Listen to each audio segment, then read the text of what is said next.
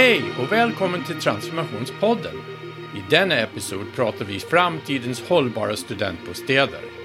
I avsnittet berättar Sara Ilstedt från KTH Greenleap, Linda Teng från Akademiska Hus och jag, Rich Nalvorny, om projektet Cook Kitchen. Projektet utmanade våra myter och antaganden om boende. Och i projektet har teamet utvecklade lösningar för samboende som minskade utsläpp, ökade trivsel och den mentala hälsan och minskade kostnaderna. Sara Ilsted och Linda Teng, välkommen till Transformationspodden. Tack så mycket! Tack ska du ha. Sara, du är professor i produkt och tjänstedesign och grundare på forskargruppen Greenleap på KTH. Och Linda, du är konceptansvarig och innovationsområdesledare på Akademiska Hus. Och idag ska vi prata om ett projekt som vi har jobbat tillsammans med, som har avslutat nyligen, som heter Co-Kitchen. Och den handlar om framtida hållbara studentbostäder. Och jag undrar, Sara, om du kunde berätta lite grann, vad, vad var det här, hur kom det här projektet igång? Var, varför drog du igång med det och vad, vill, vad ville du egentligen? Ja, eh, projektet kan man säga startade som ett resultat av att Linda och jag träffades på KTH Living Lab och började diskutera vad vi skulle vilja göra. Och båda två hade vi den här idén att vi ville jobba med delande bostäder eller co-living eh, och testa hur en framtidens hållbara boende skulle kunna se ut i praktiken. Intressant. Linda, vad är Living Lab? Ja, eh, Living Lab, eller det här KTH Living Lab, det är ju en möjlighet för att just ta liksom, teorier och forskning till praktisk eh, egentligen nyttjande och se på hur och på vilket sätt kan innovationen faktiskt liksom, byggas in i det verkliga livet. Och det är där jag och Sara har haft en gemensam dröm om att få göra de här testerna live tillsammans med studenter Eh, och det är just det ett Living Lab är möjligheten till att prova och skapa innovation i det verkliga livet. Och, och, för våra lyssnare, de som kanske inte känner till Akademiska Hus, vad är Akademiska Hus för något? Akademiska Hus är ju ett statligt bolag som arbetar med just campusmiljöer. Så att vi förvaltar långsiktigt våra eh, stora campusmiljöer runt omkring i Sverige. Från Alnarp i sö syd till Luleå uppe i norr. Okej. Okay. Och den här, den här tanken om uh, co-living eller samboende, varför var det så intressant för er? Varför vill ni uh, utforska det? Sara, börja du, så fyller jag i. Ja, alltså jag har ju nästan, jag har lite svårt att komma ihåg exakt hur det här startade. Men jag, jag minns det som att det har varit spännande, vi har funderat på det här och att det har varit spännande en längre tid. Och jag, eh, vi har också diskuterat det här med att dela resurser. Att dela på kök, att dela på badrum och toa, att dela på prylar, att vi behöver göra det mycket mera i framtiden och också leva på mindre yta utan att för den skull gå ner i livskvalitet och leva pyttelitet. Så eh, det här var någonting som vi ville utforska för att eh, idag så byggs ju, de senaste 20 åren så har man byggt studentlägenheter som små ettor. Det är, har varit eh, 90 procent av alla studentbostäder. Eh, och det är ju eh, ganska energislösande och eh, man utnyttjar inte byggnaden särskilt effektivt. Och sen sitter studenterna där i sina pyttesmå ettor och är, är, är rätt isolerade, speciellt om man kommer till ett nytt land eller en ny plats. Så det här var också ett sätt att jobba med alla aspekterna av hållbarhet. Både det ekologiska då eh, och sen det ekonomiska som ju är viktigt för Akademiska Hus. Men sen också det sociala. Hur kan vi få till en bättre social miljö för våra unga som eh, unga studenter? För vi vet ju också att eh, ensamhet och psykisk ohälsa ökar bland unga idag. Och vad är det för faktorer som påverkar det här eh, i negativ riktning och vad kan man göra för att förändra det till eh, mer positivt, att det går åt positivt håll? Och eh, då är ju att bo tillsammans med andra unga människor ett sätt att minska ensamhet och stödja eh, social resiliens i ett boende. Ja, och jag kan också tillägga där att det är ju verkligen som Sara säger att studentbostaden den har ju gått från att kanske vara mer kollektiv historiskt sett. Vi har bott i korridorer och under de senaste 20 åren så har utvecklingen gått mot att göra mindre och mindre bostäder och skapa fler bostäder istället för att så som kanske vi har tänkt på att man kan ju tänka annorlunda och nytt och se på hur kan vi möjliggöra för lägre klimatavtryck, lägre kostnader genom att faktiskt dela på ytorna. Så att vi ser jättestora vinster i hur kan vi faktiskt liksom arbeta med nyttjandegraden eller det här utnyttja varje kvadratmeter mer effektivt men också mer kvalitativt genom att göra liksom goda boendemöjligheter. Men där man också delar det tillsammans med andra. Det var det som jag tyckte var en av de mest intressanta aspekterna med det här projektet, att man hade de här normerna eller de här antaganden eller de här allmänna sanningar som vi har suttit på länge som visar sig inte riktigt vara sant. Så, så Linde, du är inne på att det finns en, en tanke att om man ska bygga hållbart, den måste vara dyrare, den är liksom inte ekonomiskt liksom rimligt. Och vi har också den här normen att alla vill bo själva här i Sverige. Vi har liksom högsta procent av folk som bor själv. Jag kallar det för Greta Garbo-syndromet. I want to be alone. Och så, så har vi liksom byggt efter det utan egentligen fråga, är det verkligen så?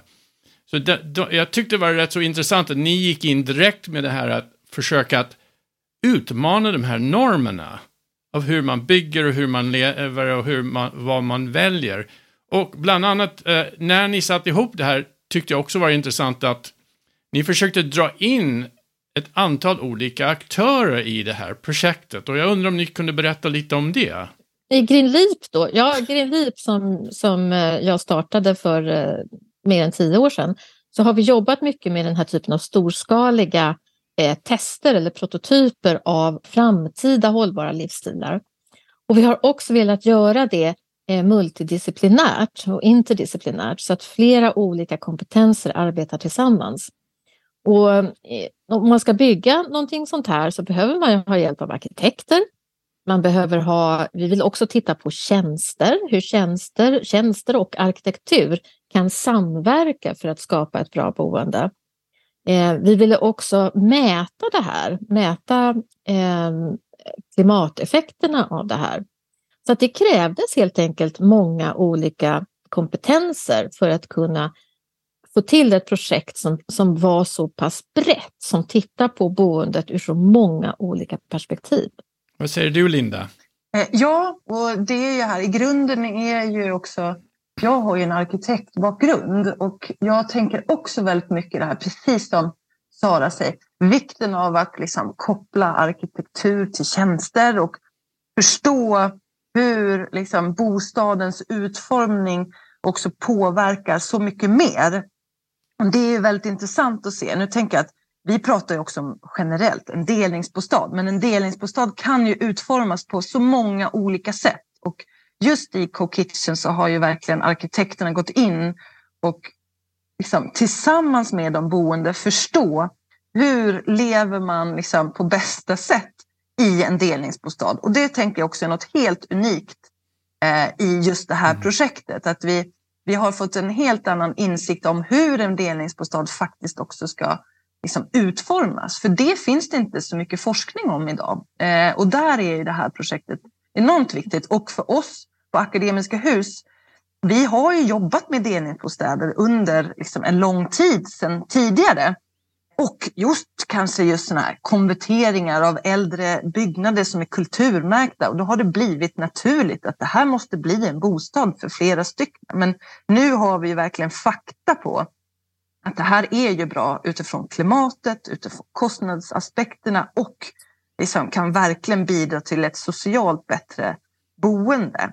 Eh, så jag tänker där, bostadens utformning, liksom arkitekternas möjlighet att arbeta tvärdisciplinärt och med många fler gör ju liksom projektet jättestarkt. Jag uppfattar det är inte så vanligt att man jobbar på det sättet när man ska bygga saker. Vi har erfarenheter med stadsplanering och lite andra där det, det, det mesta är redan bestämt någonstans innan man sätter igång och sen när man ska lägga till alla de här sakerna, utforskande, det är nästan för sent. Och det här kändes som att ni försökte vända på den lite grann, eller hur? För den, det här är inte ett normalt citat, normalt sätt att bygga på, eller är det? Och det tänker jag är en nyckel är ju också den här att det är ju ett testlabb där det finns möjligheter till just bygglovsfrihet. Så att jag tänker en av liksom aspekterna är att, att man har kunnat göra de här testerna enormt snabbt eh, och få resultat. Eh, annars hade det här tagit tio år om man hade gjort det i full skala i de planprocesserna eh, vi är i i vanliga fall. Eh, då har ju på något sätt nyhetens behag, det har ju redan hunnit bli historia. Så det här tänker jag är ett sätt att kunna också accelerera liksom innovationstakten i samhällsbyggnadsbranschen. Att kunna göra sådana här projekt i sådana här situationer där man också har ett living lab som grund. Ja, och det är jätteviktigt att vi har den här typen av platser där man kan experimentera fullskaligt. Det behövs verkligen om vi ska kunna eh, testa oss fram till en hållbar framtid. För vi behöver prova och vi behöver göra storskaliga tester. Och, och då är, är det för mycket osäkra faktorer för att man ska kunna göra det här direkt. Vi behöver prova oss fram. Och det är det som är typiskt för designmetoden, att man gör det, man skapar prototyper som man testar. Men jag skulle också vilja säga det apropå att det är ett nytt sätt att jobba, så här jobbar ju normalt inte forskare. Utan forskare studerar ju någonting som finns eh, vanligtvis eh, och man kanske gör enkät eller intervjuer och sen drar man slutsatser av det och kommer med rekommendationer. Nu har ju vi gjort flera iterationer. Vi har både gjort djupintervjuer utifrån det, skapat rekommendationer, byggt om en lägenhet, gjort en test, snabb lösning, en testlägenhet där fem personer har bott under ett år. Under tiden eh, har TIP, då, som är designbyrån Theory into Practice, ritat en helt ny delningslägenhet som vi har byggt om under en sommar och där fyra till fem personer har bott under ett år igen. Så det, vi har hunnit med väldigt mycket och gjort väldigt mycket olika interaktioner. Men jag ska också säga att det kostar ju på. Det är ett ganska jobbigt projekt att dra. Det är komplext, det är mycket som ska funka, passa ihop. Det är många olika perspektiv. Det är också olika sätt att jobba eh, som eh, de här olika grupperna har, eller olika professionerna har, som man behöver jämka ihop.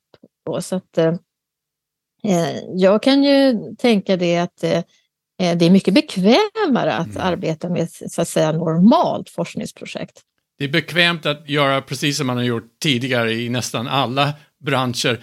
Du, du sa något om den här som jag tycker var jätteintressant att vanligtvis så forskning studerar någonting och du menar att med den här typen av projekt, och den här forskningsprojekt har varit verkligen en design och innovationsmetodikbaserad forskningsprojekt. Att vi har, vi har testat och skapat och testat och skapat och sen sa du att sen kan de vanliga forskare komma in och studera vad vi har gjort, men de gör det efter det och inte innan, som är lite, är lite nytt där. Och eh, Precis. Det, det, eh, när vi började här, då kom jag och mitt gäng då på Savvy på den tiden, att eh, vi började med att intervjua olika studenter i ett par omgångar, bara för att verkligen förstå saker innan vi börjar skapa. Så där tyckte jag bara en sak, att vi vi tog oss tid att förstå och lyssna för att fånga upp lite insikter. Och, eh, och utifrån det så kunde vi, arkitekterna skapade utrymme, vi testade lite tjänstelager, men vi hittade de här sakerna som var, tyckte jag var rätt så intressant, olika smärtor och önskemål. Just det här med svårt att leva med andra människor när man kommer från andra länder och man har inga liksom, grundläggande överenskommelser för vem ska göra vad det var eh, flera som ville ha någon slags flat mom, någon mamma i lägenheten som skulle säga reglerna och någon stackaren fick ta den rollen ibland. Det var svårt för dem att förstå det svenska återvinningssystem. Och eh, det här att laga mat tillsammans eller även äta vegetariskt, den, den liksom, det, det, var, det var inte riktigt på kartan. Och utifrån de här sakerna, ba, hur skulle det vara att dela badrum och dela andra, andra utrymmen, vi fick fram tillräckligt mycket att, att då kunde vi snabbt gå in i olika faser av prototypande, både arkitekt och, och tjänsterna. Och jag tänkte att ni skulle prata om de här olika prototypvänderna eh, som vi gjorde. Till exempel eh, med, med lägenheter och, och ritningar. Va, vad hände där? Jag tänker bara bakgrunden också tycker jag är jätteroligt. För det är ju nu ändå hållit på med det här med bostadsutveckling och som, också som du poängterar, det här är ju inte en normal process för det finns ju liksom ett regelverk och rekommendationer om hur en bostad ska se ut eh, som då alla i branschen följer. Medan här har ju vi hittat på en, en, en, liksom en standard utifrån att testa tillsammans med brukarna, tillsammans med de som faktiskt ska nyttja. Och det är ju det mest fantastiska i de olika prototyperna, allt från tjänsterna till bostäderna. Och det är verkligen inte alls någonting som man gör i vanliga fall i liksom bostadsproduktion. Då utgår man ju från liksom svensk standard, eh, systematiserad ja, köksuppställning till exempel.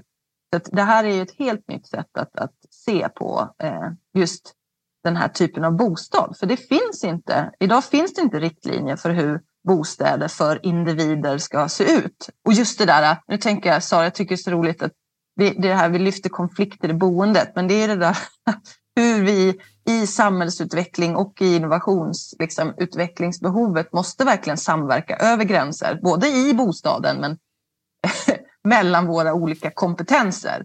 Och där behöver vi verkligen lära oss, både att två kan laga mat vid en spis samtidigt och att man kan eh, titta på klimat, eh, bostadskvalitet och liksom tjänster ihop och hjälpas åt. Ja, verkligen. Vad blev det till exempel för olika typer eller lägenhetsritningar som, som ni tittade på då?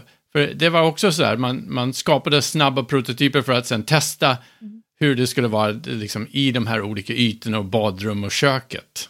Till att börja med så var ju den här eh, experimentplatsen, då, det här Living Labbet, byggt som fyra stycken eh, enrumslägenheter med en korridor.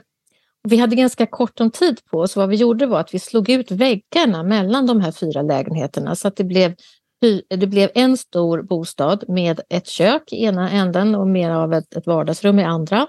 Eh, och sen fyra stycken sovrum med varsin enskilt badrum. Då.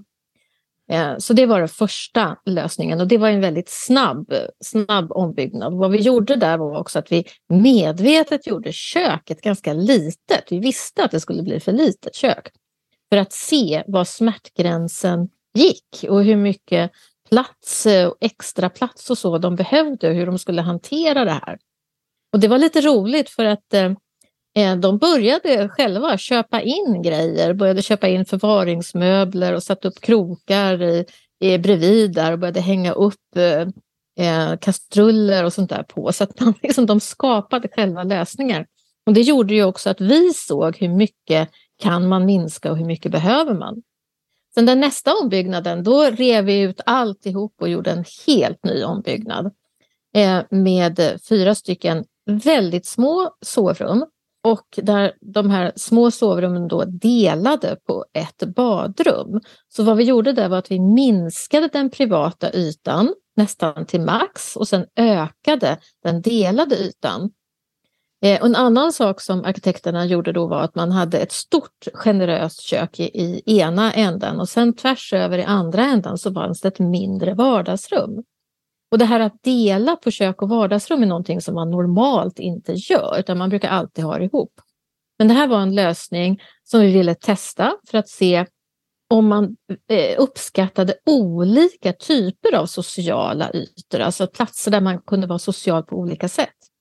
Eh, något annat som vi också ville testa var det här med att dela badrum eh, som eh, går tvärt emot vad studenter säger att man vill. Eh, det är väldigt få som i enkäter och så som säger att de vill dela badrum.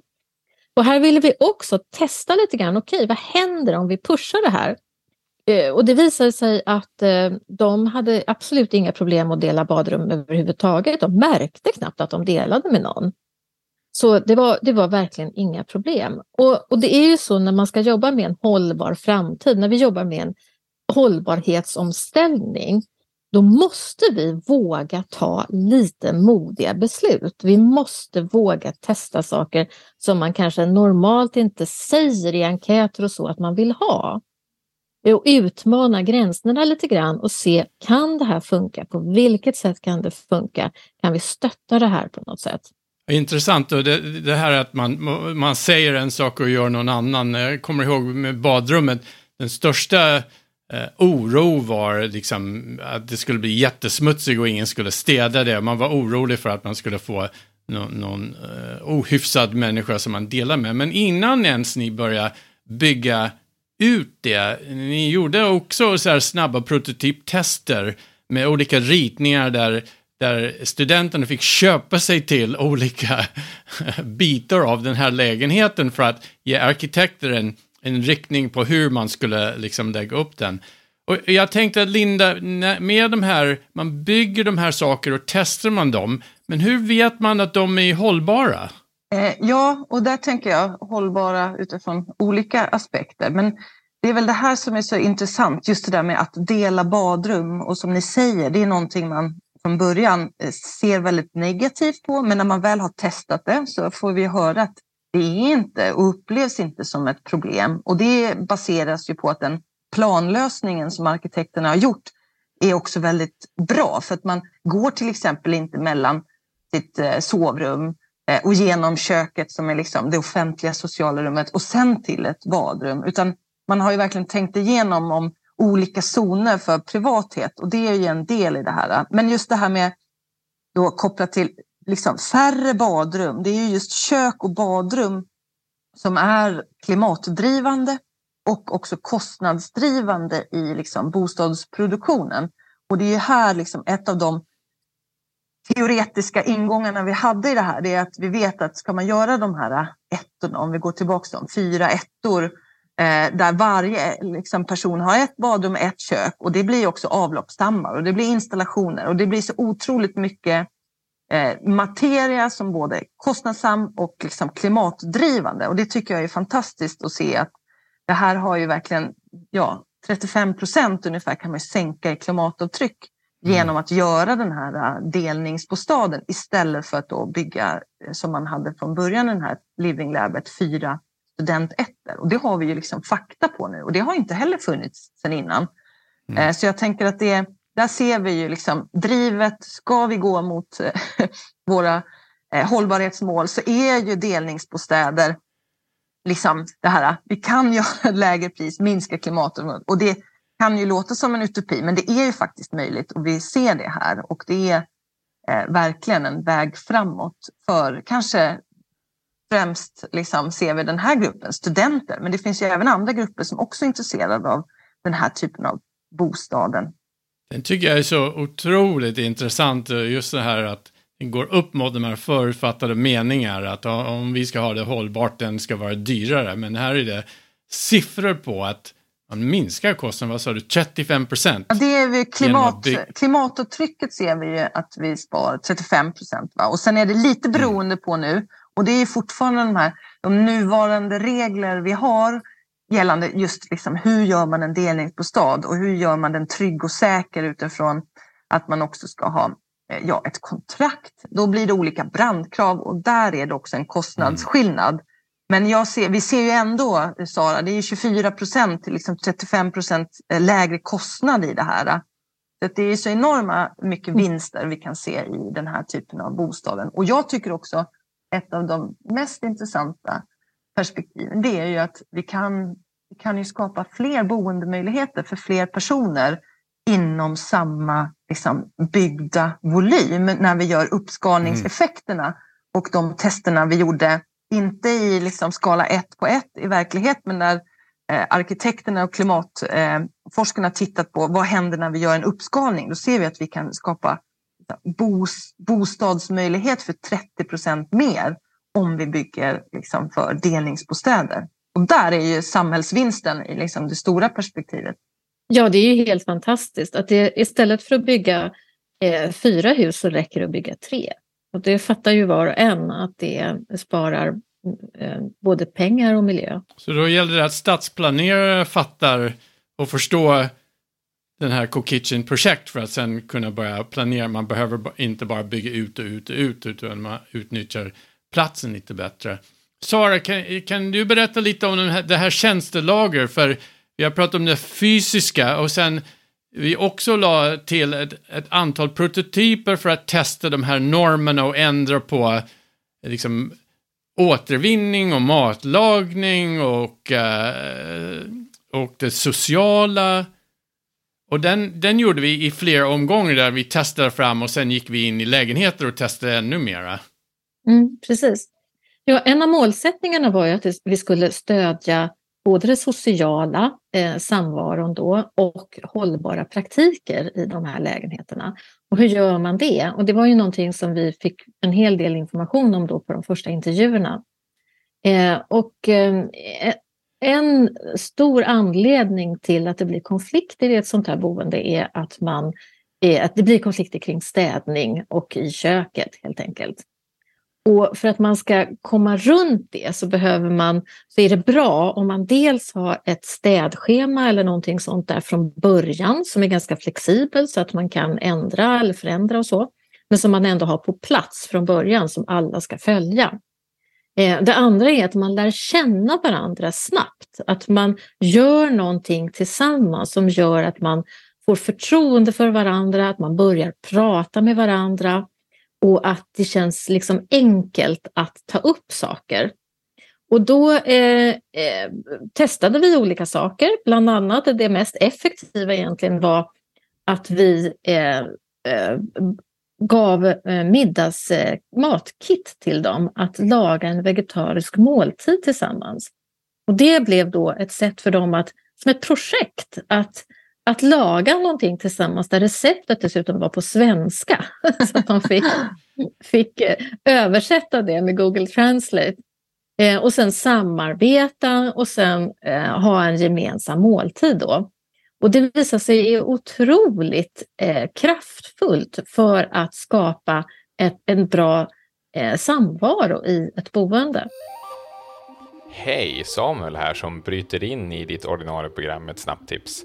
Lyssnar du på vår podd så har du hört oss prata om den nya europeiska innovationsstandarden ISO 56000. Att plöja igenom hela den här standarden det är ju ganska trist, många sidors pdf, så vi har satt ihop en kärnfull guide till innovationsstandarden som du kan få tillgång till genom att bara kika i textbeskrivningen av det här avsnittet i din poddspelare, följa länken där, fyll i ditt mejl och namn och så får du tillgång till guiden i ditt mejl. Så du behöver alltså inte ens pausa avsnittet du lyssnar på utan följ bara länken i avsnittets beskrivning. Så, åter till showen.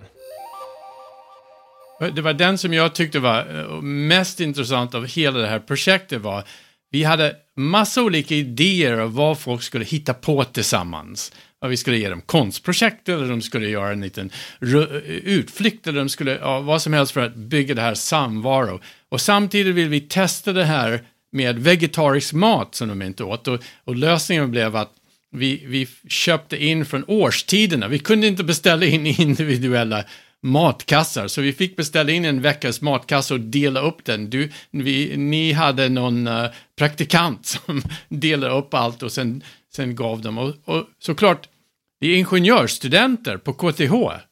Så de, de såg det här som en utmaning, som en pussel som de skulle lösa tillsammans. Så det blev lite tävlingsinstinkt väckte man. Och de, var, den andra upptäckte man att de var inte vana att äta tillsammans, även om de bodde tillsammans. De åt aldrig tillsammans för alla hade olika schemer så de fick bestämma en tid och den tog lite tid. Och sen var det flera stycken, jag ska säga mest killar från Västeuropa som var så här, vi äter bara kött. Och, och så vi, hade vi massor med kikärtor i den. Som de tyckte var så här, och det här var nytt men jättegott. Och förutom det var det så att uh, vi hade också några uh, studenter från, från Mellanöstern som åt bara halalmat, som betyder i stort sett att de, de, hade, de var tvungna att äta lite mer vegetariskt för det var svårt att få tag i halalkött. Och de här matkassorna, det var perfekt för dem. Så att köket blev det här, vi försökte lösa alla de här problemen, den här matkassen i köket löste så många av de här sakerna som vi inte riktigt var beredda för. Verkligen. Och I den första lägenheten så gav vi också i uppdrag till studenterna att laga en gemensam vegetarisk måltid tillsammans eh, en gång i veckan. Det blev varannan vecka sen. Men, eh, och då började de göra det utifrån att de lagade mat från sina respektive länder som var då eh, Spanien, Frankrike, Italien och Kina. Och det här blev en fantastisk mötesplats för de här studenterna för att det blev spännande att ta del av varandras kulturer och smaker och lära sig nya recept. Och, eh, och man pratade också om olika kulturer och hur man gör och sådär. Och speciellt för de här kineserna, som, det var ett kinesiskt par då, som var ganska oroliga för hur det skulle bli att dela en lägenhet med tre västerlänningar. För det gör normalt sett inte kineser. De säger det att vi är inte så öppna som västerlänningar. Vi brukar mest dela tillsammans med andra kineser eller hålla oss för oss själva. Så det här blev en, en fantastisk upplevelse för dem. Eh, och, och, och de sa sådär förvånat att vi har blivit som en familj. Vi firar födelsedagar tillsammans. Och, och det här med en familjekänsla, det var någonting som alla pratade om. Att när man bor på det här sättet tillsammans i en lägenhet som är lite lagom stor, som är fyra till sex personer, eh, med ett stort kök, och då, då skapas det en familjelik känsla som också gör att det skapas en sorts trygghet där man vet att det alltid finns folk omkring och också att det känns lättare och eh, mer naturligt att dela på saker som, som badrum och kök och kylskåp och prylar och så. Jag tycker det där är jätteintressant för att eh, vi ser ju också, och det är ju så ute i liksom, Eh, i de här frågorna kring just liksom hur och på vilket sätt ska man få människor att bo ihop i delningsbostäder. Och det kan ju vara till exempel i korridorer. Men då är det just, det finns ju de som också just sätter kanske, som nu säger, att ja, kulturer och liksom ursprung, att man för att man försöker göra det lätt bara hamnar i samma grupperingar när man kommer till Sverige som internationell student. Men egentligen är ju också där för att lära dig om kulturer och det här med, jag tänker, Sara lyfte också det här att delningsbostaden, det är ju en möjlighet för att också lära sig om livet och ska vi bidra till campus där också lärande och bostad och eh, i sin helhet ska mm. liksom bli någonting attraktivt för campusmedel så är det här också väldigt viktigt i att se att man kan faktiskt lära sig enormt mycket om kultur genom att bara byta matkultur med varandra. Och man lär sig också Eh, om, eh, om hållbarhet. Vi, vi märker att den som är lite mer hållbara pratar om det, man pratar om hur man källsorterar, man, man delar kunskap kring hur man källsorterar i Sverige. Eh, och eh, man, man smittar, vegetarisk matlagning smittar av sig på de andra. Så att till exempel, vi har haft en kille från, från Sydamerika som bara har ätit kött. Han har faktiskt testat att äta vegetariskt och till och med handlat det själv för att han har provat sina, eh, sina rumskompisars mat och tyckt att det har varit ganska gott. Och, och, och Sverige har en väldigt, eh, för många som kommer hit, många gäststudenter, så är det en, en ganska omvälvande upplevelse att märka hur mycket vi bryr oss om miljön och hållbarhet här i Sverige. Och att det, att det också handlar om hur vi lever, inte bara så att säga eh, hur man eh, arbetar inom forskning eller tar fram ny teknik eller, eller policy och regelverk, utan att det faktiskt handlar om hur vi lever våra liv. Det är det där kulturella lärandet. Mm. Ja, det kulturella lärandet, det är ju mm. enormt mm. viktigt. Och jag tycker ändå tillbaka till de här prototyperna som du också sa, Rich. Det här med, man vet ju också, det pratas mycket om, ska co-living liksom vara någonting som där det alltid måste ingå liksom en viss mängd service som också kostar mycket. Jag tänker att det här projektet också visat på att det kan vara de enkla små eh, ingredienserna som faktiskt har skapat det här familjelika klimatet. Det var ju den här enkla liksom, städschemat som behövdes som skulle sitta där på plats som kanske har möjliggjort liksom, en mer samvaro i köket. Så jag tänker att de enkla små medlen i det prototypandet ni har jobbat med är jätteintressant för att också då att delningsbostäder inte behöver vara liksom en kostnads... Eh, ja, liksom en, en så stor kostnad i vad det är för service som måste ingå i de här bostäderna för att få dem att fungera. Jag, jag tänker också på den här med vi, vill, vi ville gärna prägla de här, de var framförallt internationella masterstudenter. Vi ville prägla dem med lite av det här svenska. Vad är svenskarna bäst i världen på? De är bäst i världen på återvinning. Varför det? För den har bankats i oss och satt upp massa strukturer sedan 60-70-talet. Så den är jättenormalt för oss. Men för de här internationella studenter, det var så onormalt för dem. Och, och även där var så här, okej, okay, vi, vi testar med lika, lite olika bytter, vi testar med lika olika liksom, eh, bilder, vi målade om återvinningsrum så att bilderna i återvinningsrum matchade de här behållare i lägenheter. Och sen plötsligt var det hur lätt som helst för de utländska studenter att återvinna precis som svenskarna. Någonting som vi hoppades på att de skulle ta hem med sig för att än påverka sin kultur. Och där har du Linda, det var egentligen jätteenkla billiga grejer som vi gjorde som hade jättestor effekt. Håller med. Ja, precis. Mm. Mm. Jag, jag, tänker också på den här, som sagt, många internationella masterstudenter, de är här bara en kort tid. Och det som, man har inte lyxen att låta det ta ett par år innan man hamnar in i kulturen. Man är liksom inslängt i någonting med några andra människor. Och just de här, hur får vi dem att snabbt landa på fötterna och skapa en, en, en, eh, ett hem tillsammans. Den är svårt överallt. Och jag tänkte Sara, liksom, vi, vi försökte att ge dem lite strukturer så snabbt vi kunde, så sen kunde de använda det. Och vi såg också det att oftast de flesta svenska universiteten har inte så mycket av det här. Nej, precis, det har man verkligen inte. Och, och till exempel i korridorer där man bor tillsammans, det finns eh, nästan aldrig någon, några instruktioner för hur man ska bo tillsammans eller regler, utan det står någon, i bästa fall så står det någonstans att man ska, hur, hur man ska städa, men ingenting liksom hur man ska hjälpas åt med det här. Och de här korridorerna då, de fick ju ganska dåligt rykte eh, och folk vill inte bo i dem. Och då har man då tänkt att ja, folk vill inte bo tillsammans med någon annan, det är mycket, man vill bo ensam. Men det beror ju på att de här korridorerna är utformade på ett sätt som inte är speciellt socialt. Det är en lång korridor med tunga ståldörrar så att det, det känns inte som en lägenhet, det känns som en, ja, som en korridor med separata rum.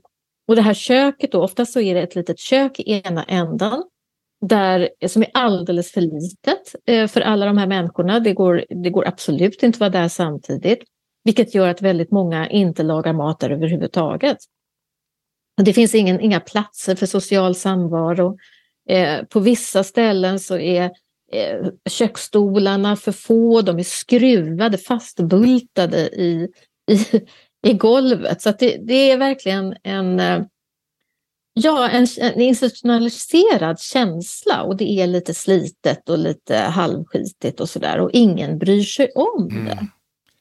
Och det, det märker ju våra studenter nu eh, att eh, Eh, de har ju vänner som kommer hem till dem i den här lägenheten då för att laga mat, för det är mycket mysigare att laga mat eh, här än vad det är i deras, i deras korridorer.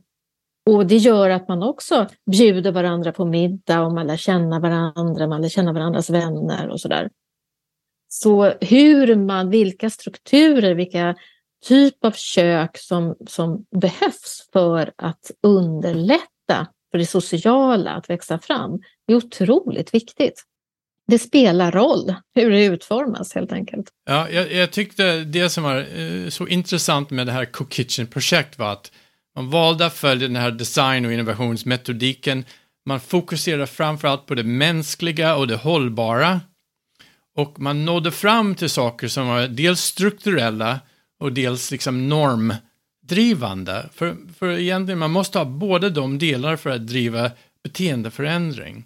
Och jag, jag tänkte om ni skulle då sammanfatta Co-Kitchen och, och tänk på resultaten och vad, vad den här gav till slut. Linda, vad skulle du säga? Hur skulle du sammanfatta Co-Kitchen? Hur skulle jag sammanfatta Co-Kitchen? Ja, eh, alltså kort eh, tänker jag eh, så är det ju någonstans den här frågan, liksom, vi kan faktiskt liksom, skapa bostäder med god liksom, kvalitet eh, med minskad klimatpåverkan där också människor som är i behov av liksom, socialt sammanhang kan liksom, skapa sig ett socialt nätverk. Det där vi återkommer till hela tiden. Den där familjelika eh, konstellationen som man kanske har behov av just under den här tiden då man är ensam eh, i ett nytt land. Det är ju fantastiskt. Och du hade även lite, eh, liksom, lite mer siffror om det här, hade inte Vill du ha siffror? För att liksom övertyga, ja, Ja, för att övertyga de mest, de som tänker, tror att de är logiska i sina, i sina tankar. Hur, hur övertygar ni dem? Nej, men i, i, eh, alltså det är väl den här eh, frågan kring att ska vi bidra till liksom, ökad hållbar bebyggelse och vi ser att vi kan liksom, sänka klimatavtrycket med 35 procent om vi bygger delningsbostäder istället för studenträtter så är det en fantastisk liksom, ekvation. Ser vi också till den grad att vi kan sänka kostnaden om vi bygger så här med 24 procent så är det också fantastiskt. Sen är det det här hur och på vilket sätt kan vi liksom, eh, omvandla det här socialt eh, attraktiva boendeformen eh, som också en möjliggörare för att liksom, kanske då eh, öka den psykiska hälsan hos den här eh, gruppen studenterna så är det också någonting fantastiskt tänker jag. Mm, tack. Och Sara, hur skulle du sammanfatta resultatet utifrån din utgångspunkt? Ja, eh, nej men jag tänker att vad vi har gjort i Co-Kitchen är att vi har utmanat väldigt många olika normer som finns för hur man ska bygga och bo och vad det kostar. Eh, och vi har gjort det på flera olika nivåer så att vi har med alla de här tre hållbarhetsdimensionerna som också Linda pratade om. Både det, det, det räcker alltså inte att någonting är ekologiskt hållbart, det måste också vara bättre socialt och det måste vara bättre ekonomiskt. Bara då kan vi göra någonting som verkligen kan få fart och skalas upp. Eh, och sen det andra är att vi har jobbat på alla de här olika nivåerna. Vi har gått ifrån det allra liksom, minsta 90-gritty till eh, hur, hur är badrummet utformat och var sitter köksskåpen och hur sådana återvinningspåsar har man till eh, det sociala och till det eh, byggnadstekniska och till systemnivåer. Och vad vi har märkt med den här typen av projekt är ju att det uppen, tydliggör de Eh, strukturella eh, problem som finns för att genomföra det här och att det också behövs förändringar i policy och regelverk. Det har synliggjorts genom det här projektet och också precis vilka förändringar som vi behöver göra.